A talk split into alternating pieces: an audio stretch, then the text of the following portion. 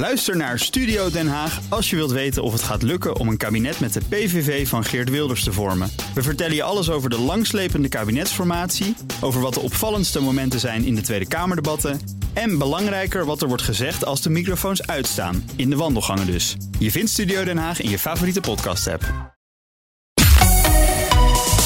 BNR Nieuwsradio. De Techniek Tour. Carlijn Meinders. We horen er al jaren over. Zelfrijdend openbaar vervoer. Bussen zonder chauffeur of steward die zelfstandig een route rijden en mensen in en uit laten stappen. Testjes met dit soort voertuigen waren nog niet altijd even succesvol en ook de techniek is er nog niet helemaal. Toch denken ze in Groningen dat het niet gigantisch lang meer hoeft te duren. Daar ben ik wel benieuwd naar. Ik spreek af met Jorrit Kuipers van Robot Tuner. Nou, we staan hier op de universiteitscampus in Groningen, het Cernike terrein. En misschien dat je het uh, wel kunt horen, hier wordt flink gebouwd. Ze zijn gewoon aan het werken? Ja, flink in ontwikkeling, maar Ja. je hebt wel de ruimte om te testen. Ja, testen. Wat precies? Ja, we testen hier autonome voertuigen. Dus we proberen te kijken van hoe goed kunnen die al een route rijden, maar ook hoe goed kunnen ze al voorrang geven bijvoorbeeld. Het idee was er natuurlijk al best wel lang. Ehm, er is ook al het een en ander geprobeerd. Waarom zijn jullie hier juist nu mee bezig? Nou, we zijn nu aan het kijken of het mogelijk is om toch op hogere snelheden te gaan rijden. Maar dan ook zonder een operator in het voertuig. Wat we tot nu toe zagen is dat er hele mooie voertuigen zijn ontwikkeld.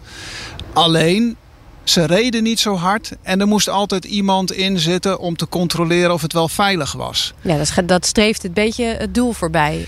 Ja, Eigenlijk. uiteindelijk moet het natuurlijk goedkoper gaan worden om op deze manier te rijden. En als ja, je langzaam rijdt met iemand erbij, ja, dan gaan we eigenlijk terug naar af. En die stap is nog niet gemaakt. Vandaar dat wij er nu aan, aan het kijken zijn. Is dat überhaupt mogelijk? Is die toekomst wel haalbaar? Ja, en dan hebben we het dus niet per se over de, de personenauto. Nou, ik denk dat het heel goed is om nu eerst naar het openbaar vervoer te kijken. Zeker nu ook na de corona straks moet dat openbaar vervoer weer goed gaan functioneren. Ehm, daar ligt een hele mooie uitdaging eh, in het vervoer. Eh, dus wij kijken heel pragmatisch naar eh, waar ligt nu een behoefte. En dat is het openbaar vervoer. En waar begin je dan? Je wil iets voor het openbaar vervoer bedenken. Dan ga je bepalen hoe groot moet dat zo'n beetje worden, denk ik. Ja, ik zei al dat we pragmatisch zijn. Wat rijdt er? 12 meter bussen. Dus dan ga je gewoon voor de 12 meter. We gaan gewoon voor de 12 meter bus. Want allerlei nieuwe kleine voertuigjes neerzetten. Wij denken niet dat dat zo snel gaat gebeuren. Waarom niet? Nou, dat betekent extra investeringen. Een hele andere logistiek die daarbij komt kijken. En eh, op dit moment staat toch ook een heleboel OV-lijnen met 12 meter bussen onder druk. Dat het niet rendabel is. Stel je voor dat je een makkelijke route hebt met weinig complexiteit. Wellicht dat daar de autopilot, de, eh, de automatische bestuurder, het over kan nemen van de eh, buschauffeur. En Ja. We zien dat nu ook wel een buschauffeur stapt uit bij een halte. Een andere buschauffeur stapt in om de route te vervolgen. Nou, in de stad kan de buschauffeur rijden en buiten de stad misschien die autopilot. In dezelfde bus. In dezelfde bus. Dus qua techniek moet dan ook allebei kunnen. Ja, maar gelukkig hebben we nu allemaal elektrische bussen. Of de, de, de dieselbussen worden omgeturnd naar elektrische bussen. En die elektrische bussen, ja, die kun je makkelijk met software aansturen. Tuurlijk moet daar wel iets voor gebeuren. Wat Maar moet de- er veranderd worden aan zo'n bus? Voordat, Nou, voordat je het allebei kan? Ja, we noemen dat eigenlijk drive-by-wire. Eh, dat betekent dat je eh, in- het stuur in plaats van met je handen aanstuurt met een elektrisch stroompje. Eh, daar moet natuurlijk een connectie naar een computer worden gemaakt. Maar die computer moet ook, stel dat die uitvalt, moet er wel een tweede computer zijn eh, die dat kan oppakken. Ja. Nou, dat soort dingen moeten dan aangepast worden. Niet alleen willen ze dit gaan doen met 12 meter lange bussen, ze moeten straks ook 80 kilometer per uur gaan rijden. Dat is volgens Kuipers nodig om het rendabel te maken. Om te kijken of dit ook veilig kan, wordt er eerst op lagere snelheid getest met een piepklein autootje, de Renault Twizy. Maar waar kijk je dan allemaal naar? Nou, we zijn eerst aan het kijken of je goed de plaats en je oriëntatie weet. Je, als je vijf rijdt, vijf kilometer per uur en je maakt een foutje, dan kun je daar makkelijk op anticiperen. Dat is niet zo moeilijk. Maar als je 80 rijdt en je stuurt een beetje verkeerd, ja, dan zit je gelijk een paar meter verder. Ja. Nou, komt er iemand uh, aan de andere kant van de weg uh, je tegemoet rijden en je schuift één of twee meter op, dan heb je toch echt een serieus probleem. Dus eerst is het de voertuigbeheersing en, en je route leren rijden. Daar kijken we als eerste naar. Nou, dat kan nu, dat laten we zo meteen ook zien. Mag je zelf ervaren. Dus Ja. we gaan hier een eh, rondje rijden. Dan nemen we de route op. En dan laten we die weer afspelen. Maar dan gaat er niemand echt sturen. Dus dan gaat de autopilot sturen. Nou, dan mag jij zo meteen. eh, ja, dat is inderdaad spannend. Want ja, als die uitwijkt, we gaan vlak langs een auto parkeren. Het is mijn auto, dus ik neem het risico. Nou, het is niet de BNR-auto, dat scheelt. Nee, nee. Da- die, de- wij nemen zelf dat risico. Ja. Maar ja, als die een halve meter uitwijkt, ja, dan, dan hebben we krassen. Dus dat proberen we toch wel te Dan voorkomen. ga ik er even vanuit dat je dat niet zomaar zou doen als je je daar zorgen over zou maken. Nee, dus dat, dat weten we redelijk zeker. En Ja. er loopt ook nog iemand bij die kan ingrijpen. We hebben ook een mooie noodknop op het voertuig zitten. Maar we kunnen ook via de telefoon hem stopzetten. De moeilijkheid zit er meer in als de weg niet vrij is. Stel er is iets op mijn route. Hoe ga ik daarop reageren? Is het een stilstaand object? Komt hij me tegemoet? Eh, is een fietser? Is een vrachtauto? Nou, en daar ligt de grote uitdaging. Dat en afwijkend gedrag van die verkeersdeelnemers. Ja, maar dat, dat is nog de overtreffende trap. Ja. Uiteindelijk is het ook zo dat andere verkeersdeelnemers moeten zich ook aan de wet houden. Dus wij vinden het een beetje gek dat we nu al rekening mee moeten houden met iemand die tegen de verkeersregels in recht op ons afrijdt. We moeten eerst ervan uitgaan, hou het simpel. Iedereen houdt zich aan de afspraken. Dat is eigenlijk hoe je, je leert autorijden. Eerst gaan we uit van het normale gedrag. En als we dat goed kunnen doen, nou, dan gaan we eens een keer kijken naar afwijkend gedrag. Maar Dus wel we- voordat ze de weg op gaan, toch? Of denk je van niet? Nou, ik weet, ik weet niet of, of dat per se nodig is. Dat hangt er vanaf of de menselijke bestuurder dat ook wordt vereist. Dus mensen die net hun rijbewijs hebben, kunnen dat ook niet. Wij stellen daarom voor om een model te maken van een buschauffeur bijvoorbeeld. En dat als referentie te gebruiken. Als die autopilot net zo weinig of zoveel fouten maakt als de buschauffeur, dan vinden wij het verantwoord om hem op de weg te laten. Dat is ook eerlijk, want dat doen we natuurlijk met mensen ook. Je zou hier nog kunnen zeggen... Misschien moeten we het niveau dan nog wat hoger leggen. Ja, maar als we dat niveau hoger leggen, ik denk dat dan dat we nog heel erg lang moeten wachten. Ik merk dat ik het moeilijk vind om te accepteren dat een autonome bus veilbaar mag zijn. Kuipers ziet dat anders. Maar wij kunnen er wel van alles van vinden. Uiteindelijk moeten ook de partijen die met zo'n bus gaan werken erachter staan. Hier is dat Qbus. Ze zijn onderdeel van hetzelfde samenwerkingsverband rondom dit project en staan er positief in, vertelt Michel van der Mark. Maar hij verwacht wel dat het nog tijd nodig heeft. Een van de meest complexe dingen is nou, het, het, het overnemen van het werk van een chauffeur. Dus dat zien we op korte termijn ook niet gebeuren. Maar wel het absorberen van die kennis. Want een chauffeur op de weg voorkomt en ziet en voelt zoveel. Ja, voor ons is het heel interessant om te weten... is dat in systemen te brengen en is dat in de toekomst toepasbaar eh, op onze bussen? Ja, en hoe onderzoek je dat? Nou, dat is de samenwerking die we hebben opgezocht eh, met, eh, met Jor, die er net eh, veel over verteld heeft. Maar het opdoen van die kennis is voor ons ook nieuw. Dus Ja. dat wordt echt een, een zoektocht met ja, een soort schaduwchauffeur die meerijdt. Maar dat is dan Ah. de digitale variant die al die kennis en beelden absorbeert.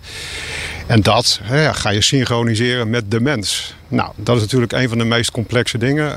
De mens in al zijn opzichten nou, kan heel veel eh, of denkt heel veel te kunnen, ziet heel veel, eh, voelt heel veel. Is Eh, ook nog eens allemaal verschillend. De zijn ene allemaal- allemaal- chauffeur is de andere niet, kan ik me voorstellen. Dat klopt. De ene chauffeur is de andere niet. En dat eh, zijn allemaal goed opgeleide chauffeurs. Maar die hebben toch elk een eigen rijstijl. Ja. Dus, eh, en wat natuurlijk ontzettend belangrijk is. Ja, we hebben eh, reizigers te vervoeren. Die volgens een dienstregeling heen en weer worden gebracht. Dus daar ligt ook wel de uitdaging. Van, ja, hoe gaat dat dan uiteindelijk allemaal werken? En wat voor toepassing zou je kunnen vinden? Is dat een route waar heel weinig stops op zijn? Of is dat juist op het platteland? Nou, die zoektocht, die we in het verleden ook wel gedaan hebben. Ja, met kleine kleine busjes, ja, is dat wat? Of moet je juist naar die grotere bus? Even voor het beeld, in Groningen de rente is ongeveer 5% van alle bussen een klein busje. Dus inderdaad, het aantal 12 meter bussen of nog langer. 18 meter bussen is vele malen groter. Dus dat is ook wel waar het, het grootste deel van ja, een eventuele uh, toepassing te vinden is. En want je zei al, we hebben er al, we hebben er al naar gekeken, hè? of die kleinere busjes bijvoorbeeld wat zijn. Is toen gewoon besloten dat is, dat is het niet? Nou, eigenlijk uh, wat je zag was een opbouw naar nou ja, steeds meer uh, regelgeving, experimenteren, maar beperking in snelheid. Dat was een hele belangrijke. Ja. Ja, er moet een toezichthouder zijn, een operator zoals dat zo mooi heet. Ja, en wat kun je er dan praktisch mee? Nou, de volgende stap die wij hadden willen maken is hogere snelheid. Uh, nou, kijken of je ook zonder, wat jullie straks ook gaan proberen hier. Nou, dat bleek even niet mogelijk. Dus ja, we hebben een soort uh, nou, nieuwe uh, introductie, een herintroductie, ook voor onszelf. Dat we gaan kijken, maar wat zou je dan wel kunnen met echte toepassingen? Ja. Want uh, in, om, rondom een ziekenhuis rijden is natuurlijk prachtig. maar ja, dat is niet wat wij dagelijks doen. Nee, want daar, daar hebben jullie toen naar gekeken. Ja, daar waren wij zelf niet direct bij betrokken. Maar we hebben dat wel meegekregen in de provincie. De provincie Groningen was daarbij betrokken. Dus ja. je ziet dat daar de toepassing heel nuttig is voor juist het heen en weer brengen van mensen. Maar ja, wij rijden op veel langere afstanden. En wij brengen echt mensen van A naar B eh, in deze nou, beide mooie provincies. Nou, dan rij je echt wel wat verder dan uh, een paar honderd meter. Dan heb je het over tientallen of honderden kilometers. Voor Cubus is het een van de oplossingen voor de toekomst van het openbaar vervoer. En er wordt dus nog gekeken naar de beste trajecten. Het platteland ligt voor de hand. Het wordt immers steeds lastiger om kleine dorpen van kostendekkend openbaar vervoer te voorzien. Dan zou dit uitkomst kunnen bieden. Maar ook aan aparte busbanen door drukkere gebieden wordt gedacht. De Techniek Tour. Nou is er nog iemand aangesloten met wie ik het hier even over wil hebben. Ik ben Reanne Boersma. Uh, ik werk bij CROW als uh, kenniswerker op het gebied van met name smart mobility. Ja, uh, ja je doet al heel lang onderzoek naar dit onderwerp hè? Ja, ik heb hiervoor in het STAD-project gewerkt. Dat staat voor Spatial and Transport Impacts of Automated Driving. Zo. Hele mond vol. ja. En daar heb ik onderzoek gedaan naar verschillende praktijk proeven met automatische voertuigen. Om te kijken wat kunnen we hier nu van leren. Uh, met als doel hoe kom je nu verder. Nou, wat konden jullie daarvan leren? Nou, een paar dingen hoor ik hier natuurlijk ook terug. Dat is die, uh, ik noem het dan semi-controleerbare omgeving. Zoals bijvoorbeeld een busbaan of een campusterrein, bedrijventerrein. Uh, waarbij je toch vaak bestemmingsverkeer hebt. En wat daarbij ook opvalt is dat de snelheid van het overige verkeer vaak relatief laag is. Op campus zie je natuurlijk ook wel veel fietsers. Ja. of dat er gewoon een autoverbod is. Dat kan natuurlijk ook. Um, we zien veel een steward aan boord. Eh, behalve bij de Rivian Park Shuttle. Die rijdt dan zonder steward. Dus daar hebben we toch wel uh, als Nederland uh, de primeur. Ja. Um, en wat je ook ziet is dat er um, aanpassingen zijn gedaan aan de infrastructuur. Om het voertuig te faciliteren. En de snelheid is relatief laag. Um, dat is ook nodig, hè, wat Jorrit ook zei. Eerst testen of het met lage snelheid kan en dan die snelheid opvoeren. Ja. Uh, maar ja, wanneer voer je, voer je die snelheid op? Wanneer is dat punt dat je denkt, nu, nu durven we het? Ja. ja. Ja. dat blijkt nog heel complex. Dit onderzoek, kijken naar autonoom rijdende auto's, überhaupt, dat, dat gebeurt al best lang, toch? Ja, absoluut. Ja, ja de, de plannen, de ideeën, die zijn er echt al voor mijn tijd, laten we dat zo zeggen. Um, ik, bijvoorbeeld de Rivian Park Shuttle, uh, de, de, tweede generatie rijdt sinds 2005. Maar daarvoor hadden ze ook al een voertuig rijden. Uh, dus dat is, heb je het over jaren 90. Ja, dat is echt al een tijdje geleden. Ja, ja, ja. En dan zie je toch als je echt oude stukken erbij zoekt.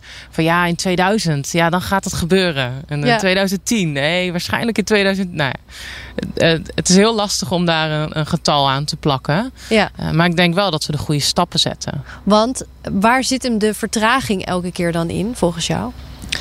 Uh, enerzijds hoor ik vaak wetgeving. Ja, wetgeving loopt natuurlijk eigenlijk altijd wel achter met innovatie. Uh, iedereen moet natuurlijk meewerken om het op de weg te krijgen. Uh, maar je ziet ook wel het probleem is om de business case rond te rijden. Om gewoon één op één een gewone stadsbus te vervangen voor automatisch voertuig. Dat, dat kan gewoon nog niet. Een automatisch rijdende bus is natuurlijk niet goedkoop. En er zit nu nog een steward in. Dus je, de verwachte kostenverlaging is er ook nog niet. Als je kijkt naar hè, hoe het soms wat meer vaart heeft en dan weer wat afremt en dan weer wat meer vaart heeft. Denk je dan nog steeds, het gaat er sowieso komen? Ik ben nog wel positief. Ja, ja, ja. Nee, ik, ik, Ik durf er geen datum op te plakken of uh, geen uh, jaartal. Um, maar ik zie wel heel veel potentie en uh, heel veel mogelijkheden. Oké, okay, dus het gaat er ooit komen, maar het zou nog wel eens even kunnen duren. Ik denk dat we nog even geduld moeten hebben. Maar langzaam maar zeker uh, in gecontroleerde omgevingen denk ik uh, dat we ze steeds meer gaan zien. Uh, Jorrit, ik zag jou wel eventjes fronsen toen, toen het nog even leek te gaan duren allemaal. Jullie denken Ja. daar anders over, toch? Ja, ja, ja, wij hebben een ambitieus doel. En Mhm. ook eigenlijk opdracht om in 2025 echt het te kunnen aanbieden in het openbaar vervoer. Je weet dat dat al heel snel is, hè? Ja, dat is heel snel. We pakken het wel gefaseerd aan. Dus we gaan eerst gaan we gewoon meerijden met een bus. En dan gaan we kijken hoe de bestuurders het doen. Dan maken we eigenlijk een soort eh, referentiemodel van de bestuurder. Dat doen we in 2022. In 2023 gaat de autopilot die we dan hebben gebouwd, gaat zelf rijden, maar nog wel onder supervisie van een buschauffeur. Dus Ja. die zit er gewoon bij met de handen aan het stuur.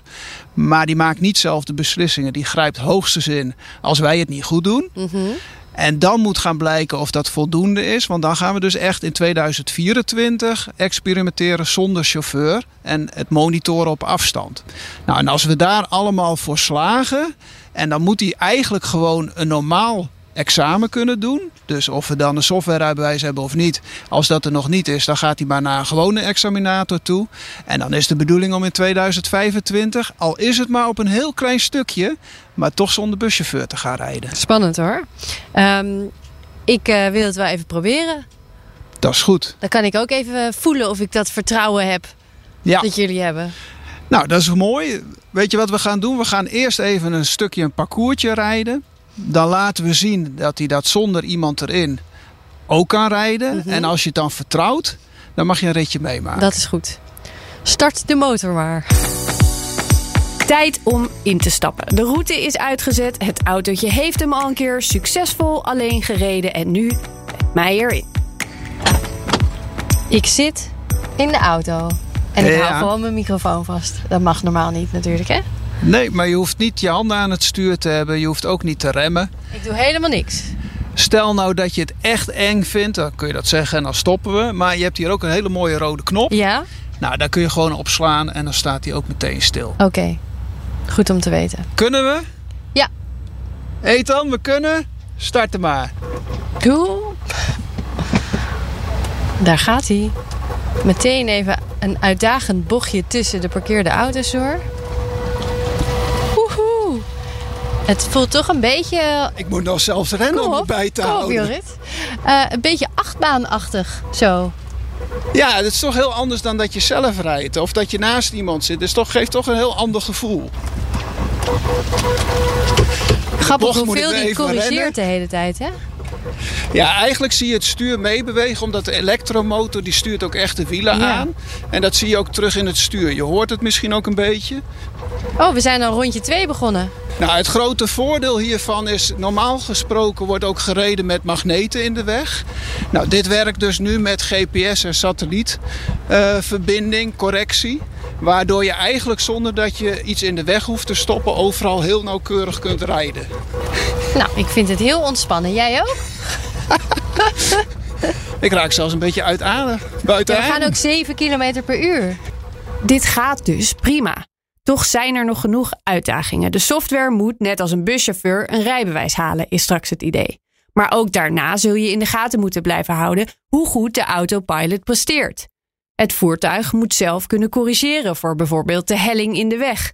En het moet om kunnen gaan met andere weggebruikers, zoals een overstekende voetganger. Dat laatste testen ze hier ook binnen met behulp van een rollerband en een robot. We zien in de virtuele omgeving eh, het voertuig rondjes rijden over een parcours. Nou, hij staat op een rollenbank, hij gaat ook echt aan. Hij gaat ook zo meteen echt rijden. We zien de wielen ook sturen, daar waar hij de bocht in gaat. En dan hopelijk, en dat weet ik natuurlijk al, dat als die robot in de buurt komt, dan herkent hij hem. Nou, dat zien we ook. Dan gaat hij eerst vertragen, want er is nog niet meteen een gevaar. Nou, dat zien we ook op de auto eh, met de LED-verlichting. Ja, Maar deze als- heeft lampjes inderdaad. als ja. hij echt in de route komt van het voertuig, dan gaat hij ook stilstaan. Dus dat kunnen we ook horen zometeen, want het maakt best wel een kabaal. Dan zal hij ook echt gaan stilstaan. Oké. Nou, Ethan, kun jij hem opstarten? Wat we nu gaan zien is dat die robot die komt voor de auto. Ja. Hij heeft hem gedetecteerd. Eerst wordt de zone geel en nu zien we het ook. En ja, de verlichting gaat aan bovenop de, de Hij wordt rood. Hij wordt rood. En als hij zo meteen doorgaat, dan zal die verlichting weer verkleuren als de weg vrij is naar groen. En dan gaat hij ook weer rijden. We horen ook dat hij stilstaat. We Ja. horen de wielen niet meer. En dit is gewoon een, een overstekend mens. Wat gebeurt er als iemand struikelt en op de grond terechtkomt? Ja, en dan, dan, dan hebben we wel een probleem. Eh, want de huidige generatie voertuigen... die kijkt eigenlijk niet onder de 40 centimeter... want daar kan onkruid staan. En als er dan grasprieten op Ah. eh, het wegdek of in de berm staan... dan stopt die steeds. Ja. Dus wat gebeurt er? Dat wordt genegeerd. Of een drempel bijvoorbeeld, daar wil je niet voor stilstaan. Maar dat kunnen ze eigenlijk nog niet, want ze ke- herkennen dat niet. Ze zien dat er iets is en ze weten niet wat het is, dan stoppen ze. Nou, dat, dat willen je niet, want dan sta je voortdurend stil. Ja. Dus dat wordt genegeerd. Maar ja, als er dan iemand valt, rij je eroverheen. Ja, dat is natuurlijk niet de bedoeling. Daarom is, moet ook altijd die operator erin zitten. Ja. Dus op zich, het voertuigen kunnen nu heel goed hun weg bepalen. Alleen op die weg weten ze nog niet goed hoe ze zich moeten Daar gedragen. zit nog wel een verbeterpuntje dus. Voordat ja, ik denk wel mag. dat dat wel sneller zal gaan komen. Dus dat, dat gaat nu ook wel gebeuren. De sensoren worden steeds beter. En ook wat we dan, we noemen dat objectclassificatie. Wat zie ik nou eigenlijk? En dat gaat wel verbeteren. Nou, inmiddels eh, is de robot ook overgestoken en is de Twissie weer gaan rijden. Ja, Nou, en wat je ook merkt is wat heel belangrijk is. Als je in een binnenbocht of als je een bocht maakt, Ja. en wat staat er aan de binnenkant? Als je alleen maar recht vooruit kijkt, zie je niet wat aan de binnenkant van je staat. Maar dan kijk je te ver vooruit door de bocht heen, zie je daar een paaltje staan, dan stop je. Nou, wat wij als mensen doen, we kijken met de bocht mee. Nou, dat moeten ze ook nog leren. Nou, wat gebeurt er op het moment dat je bijvoorbeeld harder gaat rijden? Nou, we zien nu bijvoorbeeld, hij sta- de, de eh, robot staat aan de kant. We denken hij staat er niet voor. Maar dan is die Twisty net een bochtje aan het maken. En hij kijkt dus echt met die bocht mee. En ziet daar dus die robot staan. ja. Nou, als, die, als je sneller gaat rijden, moet ik verder voor maar uitkijken. Nou, ook daar moeten die voertuigen echt nog wat leren. Want ze blijven eigenlijk maar steeds een paar meter voor zich uitkijken. Ook al rijden ze harder. Ja, Nou, zag je zijn- ook op het, eh, in de Digital Twin dat Ja. dat vlak is een paar meter vooruit. Ja. Ja. Nou, en dat betekent wel weer dat er meer geëist wordt van eh, de sensoren, van de computer die erin zit. Nou, wij onderzoeken ook echt of dat allemaal kan. Kan die computer dat aan? Of moet ik een computer van 20.000 euro erin zetten? Ja, dan is het weer minder rendabel. Er staat hier straks dan een eh 12 meter bus op een rollerbandje. Nou, dat is een goed idee. Ik denk alleen dat die in deze ruimte niet past. Dus ik denk dat we dan toch eh Q-buses aardig moeten aankijken... of we niet een rollerbank onder hun een elektrische bus- hangar hebben ergens. Precies, Ja. precies. Maar het is natuurlijk wel weer een manier om veilig te testen. Dus we proberen eigenlijk steeds weer opnieuw, elke keer ook als we testen uitvoeren, om de situatie zo veilig mogelijk te maken. Daar komt de robot aan. Hij heeft hem gezien en hij stopt. Hij heeft veilig overgestoken. En zo hoort het. Deze, deze heeft het gered. Deze heeft het gered en laten we hopen dat het ook zo blijft. Dat er geen enkele robot sneuvelt in deze testen. Nou, die robot vind ik nog niet zo erg, maar dat er dus in het echt niemand Als het onder goed een is, auto zegt komt. dat ook wat over dat gedeelte. Ja. Ja. Er moet nog aardig wat gebeuren en de meningen zijn verdeeld over hoe lang er nodig is om de techniek naar het juiste niveau te krijgen. En dan is er nog eh, wetgeving, mindset van de passagiers, ethiek. We zijn er nog niet, maar hier in Groningen zetten ze wel vol vertrouwen de schouders eronder. We gaan het zien. Daarmee zit deze aflevering van de Techniek Door erop. Volgende week gaan we door het stof. Dan mag ik mee met een archeoloog. En hoop je, net als ik, dat we na de zomer weer terugkomen met nieuwe afleveringen? We zoeken een nieuwe sponsor. Heb je een goede tip? Stuur dan even een mailtje naar julia.bokdam.bnr.nl Ook Harm Edens vind je in de BNR-app. Je kunt BNR Duurzaam niet alleen live luisteren in de app, maar ook terugluisteren als podcast, zoals al onze podcasts. En naast dat de BNR-app Breaking News meldt, houden we je ook op de hoogte van het laatste zakelijke nieuws. Download nu de gratis BNR-app en blijf scherp.